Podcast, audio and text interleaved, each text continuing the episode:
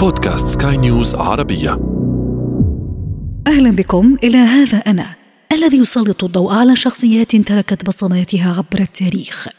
يأتيكم عبر منصة سكاي نيوز عربية على أبل، جوجل وسبوتيفاي. معي أنا آمال شابة هذا أنا هذا أنا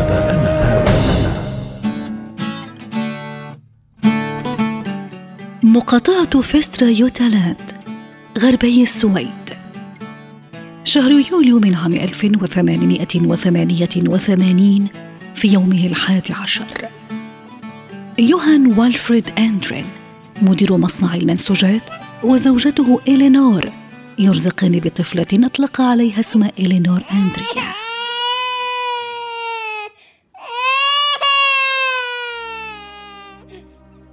لقد سميت على اسم والدتها.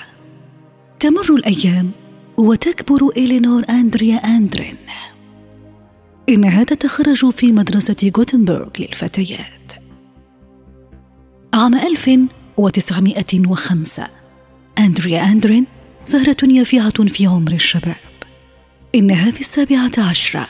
لقد التحقت بجامعة أوبسالا لدراسة الطب. الطالبة الشابة التي طرقت للتو أبواب الجامعة تطرق باب الحياة الزوجية. لقد تزوجت من الكيميائي تيودور فيسنبرغ الحائز على جائزة نوبل للكيمياء وهو الزواج الذي استمر خمس سنوات وأثمر طفلين قبل أن تنفصل عن زوجها.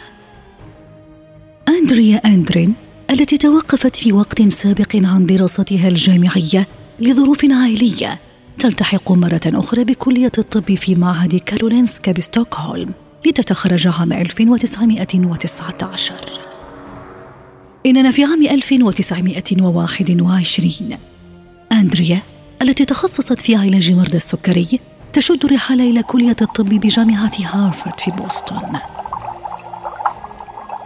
لست سنوات تعمل أندريا أندرين مع الكيميائي أوتو فالين في مختبره. لقد تعلمت كيفية الجمع بين علاج الأنسولين واتباع نظام غذائي متوازن وهي الطريقة التي طبقتها مع المرضى عند عودتها إلى مسقط رأسها السويد. حيث افتتحت عيادتها الخاصة ومختبرا لمتابعة أبحاثها العلمية. إننا في عام 1933 أندريا أندرين تحصل على الدكتوراه في الطب. الدكتورة أندريا التي تقضي معظم أوقاتها في عيادتها ومختبرها تنضم إلى الحركة النسائية في السويد. إنها تنضم إلى جمعية المرأة المتحررة وهي الجمعية التي ستعرف لاحقا باسم جمعية النساء اليساريات السويديات. إنها تناضل من أجل تمثيل متساو للنساء والرجال في الانتخابات المحلية والوطنية. ونضال أندريا أندرين يطال مجال الرياضة أيضا.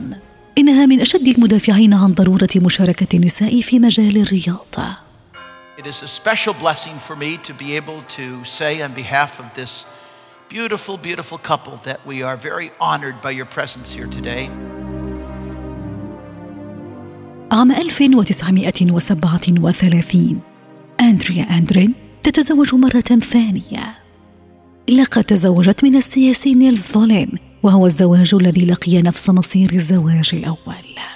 عام 1945 أندريا أندرين تصبح عضوا في مجلس الاتحاد النسائي الديمقراطي الدولي قبل أن تصبح نائبا لرئيس المجلس. إننا بين عامي 1946 و 1964 أندريا تترأس جمعية النساء اليساريات السويدية. إنها من دعاة السلام الراديكاليين ومن معارضي التسلح النووي في السويد. أندريا أندرين تشارك في لجنة دولية للتحقيق في الاستخدام الأمريكي للأسلحة البيولوجية في الصين وكوريا. إننا في عام 1953 لقد منحت جائزة ستالين للسلام.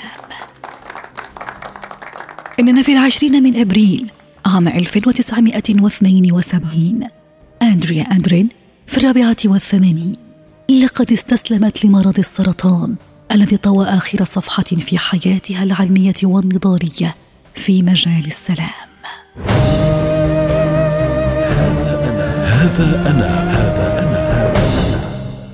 أنا نهاية هذه الحلقة من هذا أنا. استمعتم إليها عبر منصة سكاي نيوز عربية على أبل، جوجل وسبوتيفاي. ولنا لقاء. تقبلوا تحياتي. أنا آمال شابة في الإعداد والتقديم وتحيات المخرج يحيى جلال.